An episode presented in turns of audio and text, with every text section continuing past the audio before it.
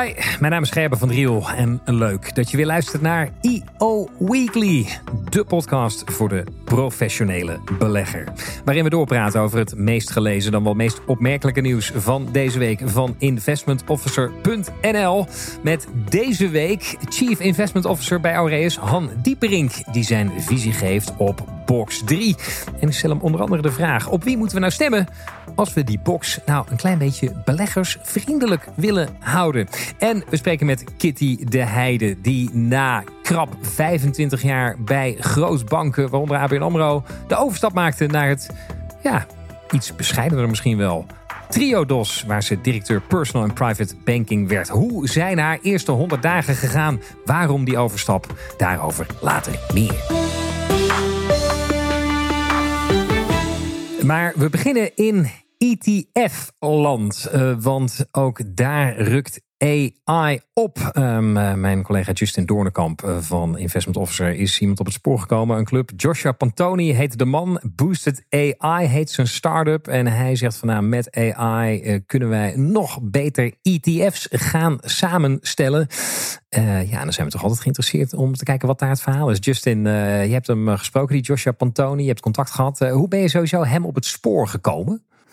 Nou, ik zag dat ze best wel een bold claim maakten. Mhm. uh, dat ze dus algoritmes hebben ontwikkeld. Um, om um, ja, investment managers een tool te geven om te kijken van hey, welke aandelen uh, kunnen gaan outperformen of welk, wat zijn underperformers. Mm Moet dan gecheckt dat moet worden. even gecheckt worden. Ja, ja, ja, ja Dus, precies. ehm, en, en, en hoe, uh, want je hebt dus contact gezocht. Denk je, wat is jouw gevoel erbij? Is de bold claim ergens op gebaseerd? Nou, ja, dat is een beetje moeilijk te zeggen. Ze, ze hebben een platform die eigenlijk uh, heel veel informatie verzamelt. Mhm. Uh, en dat is eigenlijk wat uh, nou, investment managers natuurlijk ook doen. Alleen dat kost nu heel veel tijd. Het is heel arbeidsintensief. Ja. En dat platform maakt dat allemaal een stuk sneller inzichtelijk. Ik kan me voorstellen dat je dan in, voor beleggers in algemene zin dit iets zou kunnen zijn. Maar hij uh, zegt specifiek, ten, uh, richt zich specifiek op ETF's dan, of niet? Met zijn nee, helemaal niet. Nee, gewoon, uh, ja, zij, zij gebruiken bepaalde metrics die eigenlijk investment managers ook gebruiken. Ja. als, als tool, zeg maar, voor. ehm, Maar hij, hij, ziet daar dus wel een toekomst in van joh, die, die, dat dashboard wat ik heb, dat kunnen ook samenstellers van ETF's kunnen daar hun voordeel mee doen. Hoe zou Ja. dat voordeel eruit moeten zien dan? Nou, zij, zij, zij, geven, zij bieden wat meer mogelijkheden zeg maar, om ETF's uh, te bouwen en ze wat meer op maat uh, te, te maken. Mhm. Dus dat je kunt zeggen van op basis van hun uh, platform van, nou ja, ik wil een, een, een ETF op de S&P 500, uh, maar met uh, aandelen die waarschijnlijk gaan outperformen. Ja, ja. Of ik wil een S&P uh, 500 ETF uh, met een lager risicoprofiel bijvoorbeeld. Ja, precies. Dus, want uh, mijn eerste gedachte was namelijk ETF, index tracker. Ja, kind kan de was doen. Gewoon die S&P 500 kopiëren. Maar hij zegt van nou, met mijn dashboard kun je zo'n S&P 500 ETF misschien net iets intelligenter maken. Of misschien net ja. wat, uh, wat, wat smaken toevoegen of wat dan ook. Ja, en zeker bij bijvoorbeeld uh, thema-ETF's. Mhm. Mm-hmm. Zou dat, uh, ja, dat, dat, je net even wat meer tools hebt om te kijken van ja, wel, welke aandelen horen daar nou in. Ja. Uh, wat in principe dus ook uh, groene ETF's nog groener zou kunnen maken. Ja, ja precies. En dat je ook uh, bedrijven waarvan je, wij, wij mensen niet 1, 2, 3 zouden zeggen... die horen in een duurzame ETF. Ja. Dat zijn dashboards zou zeggen. Die hey, duiken dan op in die het moet je, platform. Ja, ja. ja, precies. Goed, dat is Boosted AI, Joshua Pantoni. Je hebt ook in Nederland de gevestigde orde gebeld... met de vraag, wat vinden jullie hiervan? Ik ben heel benieuwd wat ze daarover zeiden. Daar praten we graag straks over door. Gaan we door naar eh, onze nieuwe rubriek. De eerste 100 dagen van deze week met Kitty de Heide. Die na 9 jaar Fortis en ongeveer 15 jaar ABN AMRO... landde bij Triodos als directeur private banking. Personal en private banking moet ik zeggen. Uh, Kitty, fijn dat je bij ons bent. De eerste 100 dagen achter de rug. Uh, ja, hoe gaat het nu met je? Ja, goedemorgen Gerben. Ja, het gaat eigenlijk hartstikke goed. Het is als je na, nou ja, 22 jaar noem ik het maar eventjes, uh, overstapt, is dat natuurlijk een, best wel even een stap. Ja. Maar ik heb het enorm naar mijn zin, ik kan niet anders zeggen. Ja, je, je zat, ik heb gekeken op je LinkedIn-profiel bij ABN AMRO jarenlang in die hypothekenkolom, om het maar even zo te zeggen. En, dan, en vandaar naar Triodos Private Banking. Daarvan dacht ik even, hoe zit dat? Ja, nou misschien eventjes. bij Triodos ben ik verantwoordelijk inderdaad voor private banking maar ook voor hypotheken en sparen. En eigenlijk dus uh, heel particulier bijna uh, verantwoordelijk voor Nederland. Hè? Dus uh, waar private inderdaad een groot onderdeel van is. Ja. Um, en ik heb inderdaad de laatste tijd veel in hypotheken gedaan. Alleen wat altijd leuk is natuurlijk dat mensen kijken altijd naar het laatste wat je gedaan hebt op je cv. Ja. En er zijn natuurlijk ook andere beweegredenen om en naar Triodos te, te, gaan. Maar ik heb in het verleden ook uh, gewoon zelf advies gegeven. Mhm. En dat was een combinatie toen de tijd al tussen beleggen en tussen hypotheken. Dus dan deed je eigenlijk alles als uh, adviseur. Mhm. Uh, dus ik heb in een ver verleden wel degelijk met beleggen te maken hebben gehad. En, ehm, ja, oké. Dus het is niet helemaal nieuw, maar wel van de laatste jaren. Nou, en wat sowieso natuurlijk nieuw is, is dat je naar Triodos gaat. Hè? Van de grootbank naar Triodos. En ik hoorde je net al zeggen, ja, dat is niet helemaal toevallig.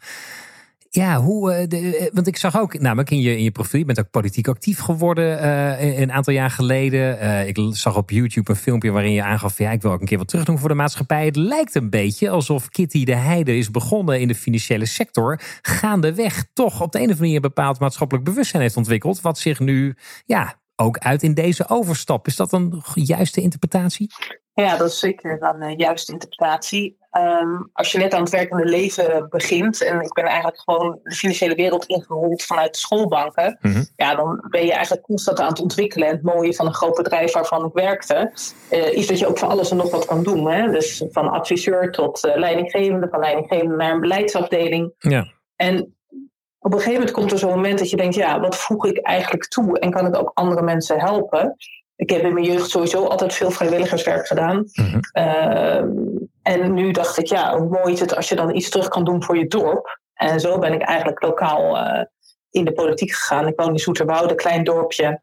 En uh, daar ben ik heel erg in uh, aanraking gekomen met de energietransitie, het verduurzamen, de woningmarkt en de problematiek daaromheen. Um, ja, en dan is de link op een gegeven moment Triodos natuurlijk snel gemaakt. Als je merkt dat je er echt uh, het verschil in wil gaan maken. Ja. ja. hoe mooi is het dan als je de kans krijgt om bij Triodos um, uh, dat te mogen gaan doen. Ja, terwijl als je ABN AMRO, als je de brochures leest, bij wijze van spreken in de website bekijkt, dan roept ABN AMRO ook van, joh, we, zijn, we gaan voor duurzaamheid, we vinden het allemaal belangrijk, dit en dat. Maar dan, dan proef ik toch een beetje dat ja, dat in woord beleden wordt, maar kennelijk ja, in daden niet voor jou niet goed genoeg, want daarom ben je overgestapt. Ja, en ik denk dat dat, um, ik denk dat, dat elke financiële instelling, maar zeker ook ABN AMRO, heel erg met duurzaamheid uh, en de energietransitie en alles eromheen bezig is. Mm-hmm. Uh, maar Triodos is ook een kleiner bedrijf. En uh, ik wilde graag impact kunnen maken met alle kennis en ervaring vanuit mijn achtergrond vanuit de gemeente. In combinatie met nou ja, al mijn hypotheekkennis en wat daar, daar omtrent speelt. Mm-hmm. Um, ja, en hoe mooi is dan als je dan bij Triodos is kleiner, dus je maakt gelijk meer impact. En daar zijn ze al jarenlang bezig hè, met duurzaamheid. Dus ook de mensen die daar werken, werken daar met een uh, bepaalde overtuiging. Ja. Uh, en voor iedereen is dat anders, hè? Uh, maar het is wel een hele andere, heel ander bedrijf, een hele andere cultuur. En dat sprak me op dat moment gewoon heel erg aan. Om eens een keer. en op een gegeven moment kom je ook, ook op zo'n leeftijd dat je denkt: ja, wat wil ik de rest van mijn leven gaan doen? Mm-hmm. Nou, voor mij werd dat uh, Triodos. Ja, en, en heb je dan ook wat ingeleverd? Want ik bedoel, men spreekt altijd over de gouden kettingen van de financiële sector. Uh, je bent, zit natuurlijk nog steeds wel in de financiële sector. Maar ik kan me ook voorstellen dat ja, Triodos toch een iets ander package heeft dan ABN AMRO. Maar heb je iets moeten inleveren? En zo ja, is dat het dan inderdaad waar? Nou, mijn drijfveren zijn altijd dat je uh, leuk werk moet doen. Hè? Werken moet je hobby zijn en anders moet je wat anders gaan doen. Mm-hmm. Dus dat is eigenlijk hetgene wat ik enorm belangrijk vind. Ja. Um, dus ik heb het alle jaren ook uh, bij ABN AMRO, dat heeft me ook heel veel gegeven. Hè. Al mijn kennis en ervaring, 22 jaar lang, heb ik daar kunnen opbouwen. Dus ik ben ze heel dankbaar. Um, ja, en op een gegeven moment komt er zo'n moment dat je denkt, ja, waar word ik zelf weer blij en kan ik weer gaan toevoegen? Ja. Um, ja, en dat is dan bij Triodos. En wat daar de financiële consequentie van is, ja, ik vind dat je je nooit moet laten leiden, en dat is makkelijk gezegd natuurlijk hoor, maar door alleen de financiële vergoeding en in de financiële wereld, nou ja, de mensen die naar, hier naar luisteren weten, daar krijg je sowieso uh, hè, prima betaald. Ja. dus ja, ik, ik vind het gewoon veel belangrijker dat ik impact kan maken. En dat is ook mijn drijfveer daarin. Juist. Heb je nog, ehm, ja, tot slot, ik vind het leuk om dat aan iedereen te vragen. Een tip. Want ja, ik denk dat binnen de financiële sector is een beetje een aanname ook. Hè, dat er heel veel mensen zijn die zitten inderdaad in zo'n baan. Status, gouden kettingen, et cetera. Maar je kan je afvragen, is het wel de leukste baan of de best passende rol? Hè? Dat is toch altijd een beetje een, een worstelingetje. Wat is jouw carrière tip in die zin? Nou, heb, heb gewoon ook lef. Dus wees niet bang om, uh, om verandering in te gaan. Er zijn heel veel mensen tegen mij van ja, maar je zit al zo lang en uh, je weet niet wat je daar te wachten staat. Ja, mensen zijn altijd leuk. Het is ergens anders ook alweer leuk. Je mag uitgaan van je eigen kracht op het moment dat je al zoveel jaar hè, ergens werkt, waar dat dan ook is. Dus eigenlijk is mijn tip inderdaad, blijf niet hangen als je niet gelukkig bent. En even voor de goede orde, ik was nog wel prima gelukkig, maar ik was toe aan een nieuwe uitdaging, dat is wat anders. Maar er zijn ook mensen die dat hebben andere redenen blijven hangen. Ja. En denk ik, heb gewoon het let, het komt altijd wel goed. Check. Nemen we mee. Kitty, dankjewel. Ongelooflijk veel succes daar bij Triodos. En fijn dat je even bij ons wilde zijn. Ja, gaan we naar, uh, ja, ik zou bijna zeggen kabinet Rutte 4. Uh, eh, want die lijkt vooral herinnerd te gaan worden over de onmacht die het tentoonspreidt in het oplossen van grote vraagstukken. Waaronder box 3. Uh, eh, het lijkt een gebed zonder end om die op de rit te krijgen. is ook Han Dieperink niet ontgaan, onze vaste columnist. Schreef daar onlangs een opiniestuk over nieuwe box 3 is een impuls voor private markten. Ja, meneer Dieperink, fijn dat u weer bij ons bent. Ik las uw stuk, eerlijk gezegd. En in de eerste regels dacht ik bij mezelf hij gaat nu uh, betogen dat we heel box 3 maar gewoon moeten afschaffen. Uh, is dat, dat zou economisch gezien het beste zijn. Ja, dat klopt. Ja? Economisch gezien zou het best zijn om box 3 gaan af te schaffen. Okay, want, dus De BBP in Nederland is 1000 miljard. Ja. Als je kijkt naar de opbrengst van box 3 is het ongeveer 4 miljard op dit moment. Dat is dus 0,4 eh, procent. Mm Als je ervoor erin slaagt om de economie 1 procent extra te laten groeien, dat is ongeveer 10 miljard, dan heeft de, de overheid heeft er ongeveer 40 procent de belasting over, dat is 4 miljard. Dus ik denk dat als je dat vermogen wat achter box 3 zit, eh, en dat wordt geïnvesteerd natuurlijk in bedrijven, in start-ups en al dat soort zaken, als dat erin slaagt om 1 procent extra economische groei, en dat is ook nog eenmalig, eh, te realiseren, dat betekent dus dat je dan het geld al terugverdiend hebt. En waarschijnlijk eh, zal het ook omdat je de vermogensbelasting afschaft, ervoor zorgen dus dat je ook gewoon meer vermogen naar Nederland ziet uh, vertrekken of uit niet naar Nederland ziet komen. dat zorgt ervoor dus dat er eigenlijk meer economische groei is en meer belastingopbrengst op het moment dat je box die uh, afschaft. Uh, dat, dan, dat is politiek onhaalbaar. Hè? Is, bedoel, het, het feit is dat mensen met vermogen moeten natuurlijk belast worden. Maar het feit dat wat moeten we niet doen als investeren geen nuttige functie heeft. Hè? Bedoel, het, zorgt voor banen, het zorgt voor belastingopbrengsten, het zorgt voor economische groei. Dus uh, ja, de keerzijde is, het bedrag is relatief zo klein. Die zegt, nou ja, met al dat gedoe wat de fiscus ook heeft, dus die moet alles nog een keer uh, gaan controleren. De banken moeten alles gaan rapporteren. Um, ja, dat wordt echt een, een onding, zeg maar, vergeleken met uh, wat de Belastingdienst nog meer te doen heeft. Maar, maar deze week werd ook bekend dat onder, onder laten we zeggen, Nederland, Nederlanders maken zich heel erg druk over die vermogensverdeling. mag allemaal wel wat gelijkmatiger verdeeld worden. We zijn al maandenlang aan het steggelen over die box 3. hoofdbrekens, moeilijk, moeilijk, moeilijk. en u zegt eigenlijk gewoon, als, als je naar de cijfers kijkt. Ja, laat lekker varen. Want uh, de, de, als, als, als dat geld geïnvesteerd wordt, dan, dan levert het ons veel meer op dan dat we er proberen die belasting op te heffen. Dat is kort gezegd wat u zegt. Ik vraag me wel af in uw redenering.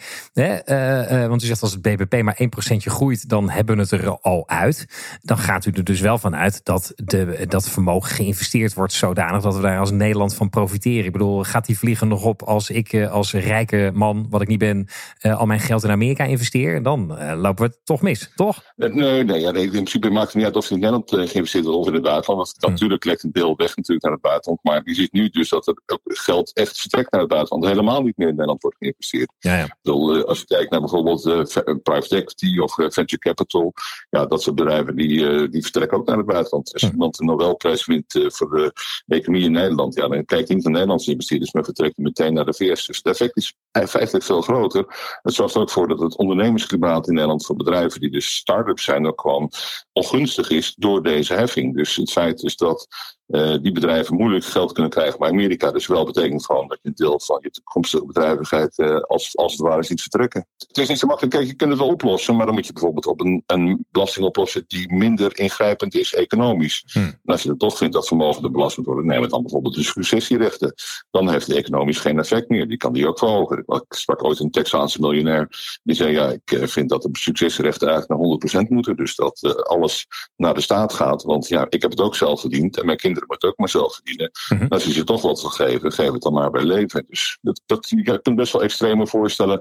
Ook aan die kant hebben. Niet bij economisch nauwelijks impact. Dit is gewoon waardevernietigend, deze belasting. Ja, precies. Maar, kijk, maar eh, zoals u net ook al zei, van, ja, het is natuurlijk politiek onhaalbaar om die hele box 3 eh, belasting af te schaffen. Dus dat, dat is natuurlijk wensdenken. U zegt dus ook wel van ja, er wordt nu heel veel gesteggeld over het belasten van winst uit vermogen, et cetera. Maar ja, je zou kunnen kijken naar successierechten. Hè. Ga anders dan die knop draaien. Dat is wat minder waardevernietigend, hoor ik u zeggen. Ja, ja, ja. ja. Nee, maar het nieuwe voorstel zoals het er nu ligt, is in principe een versoepeling en verbetering ten opzichte van het vorige voorstel. Mhm. Dus eerst, nu ligt er een vermogensaanwasbelasting en een vermogenswinstbelasting. Dus bij een aanwasbelasting wordt het elk jaar belast. Ook mhm. al uh, heb je, kun je het niet verkopen of wat dan ook, is dat wel eens dan bij sparen en bij beleggen. Dus je zegt, nou, je hebt een stukje belegd, dan kun je een stukje van verkopen en dan kun je het naar fiscus geven. Maar ja, als op het moment dat je in kunst zit, bijvoorbeeld, of in vastgoed, ja, dan kun je dat niet verkopen. Dan uh, is het ook moeilijk om de waarde te bepalen. Dan komt er dus een vermogenswinstbelasting. Mhm. Ja, het nadeel natuurlijk van de vermogenswinstbelasting is dat er natuurlijk mee te marchanderen valt. Want dat betekent dus dat je belasting kan uitstellen. Op het moment dat je belasting kan uitstellen, ja, dan is het dus aantrekkelijk om daarvoor constructies op te zetten om het zo lang mogelijk uit te stellen. Ja. En dan is de vraag, waar ligt de grens? Dus mag vastgoed wel, mag private equity wel, mag mm private debt wel.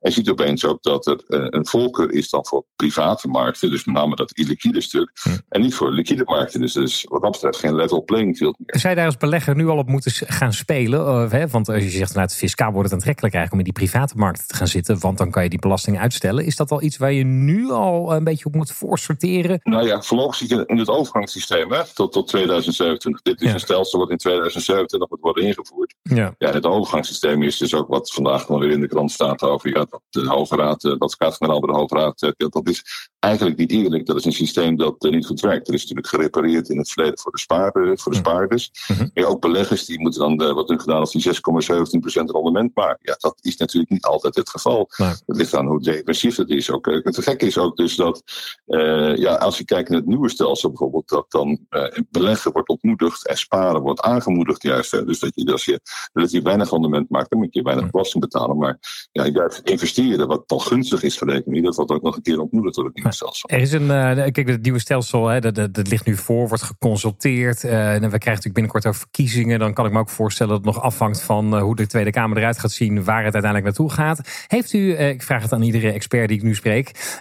in dit licht nog een, iets van een soort stemadvies? Dat u zegt van nou, als ik kijk naar die politieke partijen, dan, dan moeten we daar als belegger op stemmen. Want die hebben het meest slimme voor met box 3. Of het meest nou ja, ik, ik, ik, vind, ik heb natuurlijk persoonlijk belang bij dat uh, er vermogenden in Nederland blijven. Omdat ja, dat, wij doen vermogensbeheer bijvoorbeeld. Dus dat, dat, uh, dat, dat betekent dus dat je uh, ervoor moet zorgen dat die vermogensbelasting niet te hoog is. Dat al men op het land natuurlijk naar het buitenland vertrekken. Ja. Um, en als je kijkt aan de linkerkant van het spectrum, dan zie je toch dat deze mensen het liefst eigenlijk de overheveling hebben naar box 1. Dus dat ze inkomsten uit vermogen ook nog eens progressief worden belast. Dus dan is het niet tegen de, wat nu waarschijnlijk zal zijn 35%, maar tegen zeg maar het, het toptarief. Mhm. Ja, dan wordt het wel erg uh, lastig natuurlijk. Juist. Uh, ja, aan de rechterkant zie je eigenlijk niet zo'n uitgesproken mening. Ik bedoel, in principe de VVD of dat soort partijen zou het wel moeten doen, maar die zijn natuurlijk ook een beetje uh, in de consensus meegetrokken. Dus ik weet eigenlijk niet wat eruit komt. Dus uh, ik heb niet de indruk dat ik nou een partij zou zeggen van ja, die staat echt recht voor dat vermogen moeten kunnen investeren in Nederland. En dat is eigenlijk wel jammer, want de economie is natuurlijk de basis van alle welvaart. En uiteindelijk gaat het politische over de verdeling van de welvaart. Dus we moeten wel af en toe wat ruimte geven om die welvaart te creëren. Dus dat uh, geldt op meerdere gebieden. Maar het is niet zo makkelijk om daar zeg maar, een stemadvies aan te koppelen. Ja, dat, dan, dan, dan, laten we dan maar hopen dat misschien niemand in Politiek Den Haag deze podcast beluistert en denkt van hé, hey, misschien moeten we daar nog eens een paragraafje aan wijden. Een, uh, ja, een inlegvelletje in het partijprogramma. Ja. Uh, meneer Dieprink, okay. dank u wel voor uw bijdrage. En graag tot de volgende. Ja, van nou ja, Voortslepend uh, box 3 gaan we naar een ontwikkeling die als een sneltrein verloopt. Namelijk uh, de opmars van AI op alle fronten. Ook in beleggingsland. Ook in het samenstellen van ETF's. zo viel te lezen op investmentofficer.nl. mijn collega Justin Doornekamp sprak met Joshua Pantoni van Boosted AI. Die zegt van ik heb nu iets in handen waar ETF-samenstellers hun voordeel mee kunnen doen. om hun ETF's nog net wat slimmer te maken bijvoorbeeld. Of net wat beter. ja, Justin, jij hebt ook in Nederland eens rondgevraagd. Uh, onder andere Martijn Rozenmuller gesproken. Mr. ETF zou ik bijna willen zeggen. Uh, en dit verhaal tegen hem aangehouden. Uh, ziet hij ook dat AI veel toegevoegde waarde kan leveren in ETF-land? nou, hij is wel een stuk kritischer, moet ik zeggen. Mm Um, ja, hij is, hij is wat meer van mening dat AI vooral wat nou ja, arbeidsintensievere processen kan versnellen. Ja. Um, ja, en dan met name ter ondersteuning bij het verzamelen van nou ja, informatie voor de aandelenselectie, voor actieve fondsen mm -hmm. en, uh, en thema-ETF's. Mm -hmm. um, dus hij ziet vooral een stukje tijdwinst voor uh, nou ja, ETF-samenstellers, zeg maar. Gebruiken zij dat nu? Want uh, gebruikt, hij, gebruikt hij dat nu ook al, AI in zijn bedrijf uh, of bij Van Eck, dat ze, dat ze dat al inzetten om die ja, informatie sneller te verwerken? Heeft hij daar iets over gezegd? Uh, dat weet ik eigenlijk niet zo goed. Volgens mij gebruiken ze het wel een klein beetje ter ondersteuning van um, nou ja, informatievergaring, mm -hmm. maar niet zo extreem als. Um, nou ja, wat, wat Pantoni zegt, dat mogelijk is. Ja, maar Pantoni zegt ook hè, van nou, bijvoorbeeld een, een SP 500 tracker. Nu ja, is dat gewoon een letterlijke kopie. Met mijn boosted AI kan je zo'n SP 500 tracker kan je iets slimmer maken. Of kan je misschien wat voorkeuren aangeven. Kun je zeggen van nou, ik wil toch nog net iets offensiever of weet ik veel wat. Uh, wat vond Martijn Roosmuller ervan? Zit, zit daar wat hem betreft een toekomst in? Nou, hij is daar niet zo fan van. Hij zegt dat komt wel heel dicht in de buurt bij self-indexing. Mm En dat eh, betekent dus dat, dat je als belegger een eigen mandje gaat maken. Alleen het gevaar daarvan is, is dat, die, ja, dat je al heel snel geneigd, ben, geneigd bent als belegger van... ja, ik ga dat mandje aanpassen. Ja. Alleen, ja, dat gaat natuurlijk weer voorbij aan het idee van een ETF van heel saai, één mandje en laat maar lekker staan. Ja. Dus hij is heel erg bang dat uh, ja, beleggers te veel gaan handelen en dat dat ten koste gaat van uh, het rendement. Uiteindelijk dan toch weer terug bent op gewoon een actief beheerd ja. verhaal in plaats van die passieve ETF's waar alle emotie uitgesleuteld is. Ja, ja juist. Um, uh, uh, ja, dus ja, lang want het lijkt mij persoonlijk ook dat um, AI en ook het doorgronden van de informatie, dat verhaal snap ik heel goed. Tegelijkertijd moet de data dan wel betrouwbaar zijn. Uh, ja, is, is, wat zegt Joshua Pantoni erover van Boosted AI? Heeft hij al grote klanten? Is het, krijgt het al voet aan de grond? Of is het voorlopig nog een ja, fantasie? Ja, dat, daar krijg je natuurlijk niet helemaal uh, inzicht in. Ze hebben al wel uh, de nodige klanten, maar het is wel echt een start-up. Het moet, moet zich nog wel echt gaan bewijzen of het mhm. daadwerkelijk nou ja, de gouden standaard wordt zoals hij dat claimt. Ja, wat is jouw gevoel erbij? Want je, hebt, je bent hierin gedoken. Je hebt uh, Martijn Rozenmuller onder andere gesproken. Je hebt die Joshua Pantoni gesproken. Ja, als jij het zou moeten zeggen nu, waar gaat het voor jou gevoelsmatig naartoe? Nou, je wil natuurlijk gewoon kunstmatige intelligentie vragen. Maak voor mij de beste ETF. Mhm. uh, en met beste ETF bedoel ik uh, nou ja, een ETF die consistent de markt verslaat. Ja. Alleen, ja, dat wordt wel echt een probleem, denk ik. AI kijkt vooral naar het verleden. En die informatie kun je op zijn best extrapoleren. Maar dat is natuurlijk geen garantie voor een uh, continue outperformance.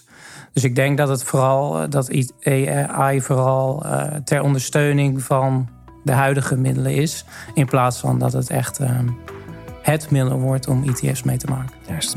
Dankjewel Justin voor je bijdrage. U leest het stuk Chat GPT. Kun je voor mij de beste ETF bouwen? Vraagteken op investmentofficer.nl. Tot zover deze EO Weekly. Hou sowieso natuurlijk investmentofficer.nl in de gaten voor het laatste nieuws. En dan spreken wij elkaar volgende week Deze podcast is mede mogelijk gemaakt door State Street Spider ETF's aanbieder van de meest liquide ETF ter wereld. Let op, beleggen is onderhevig aan risico's en kosten. In het verleden behaalde resultaten bieden geen garantie voor de toekomst. Lees altijd de essentiële beleggersinformatie. Ga voor meer informatie naar ssga.com forward slash ETF's.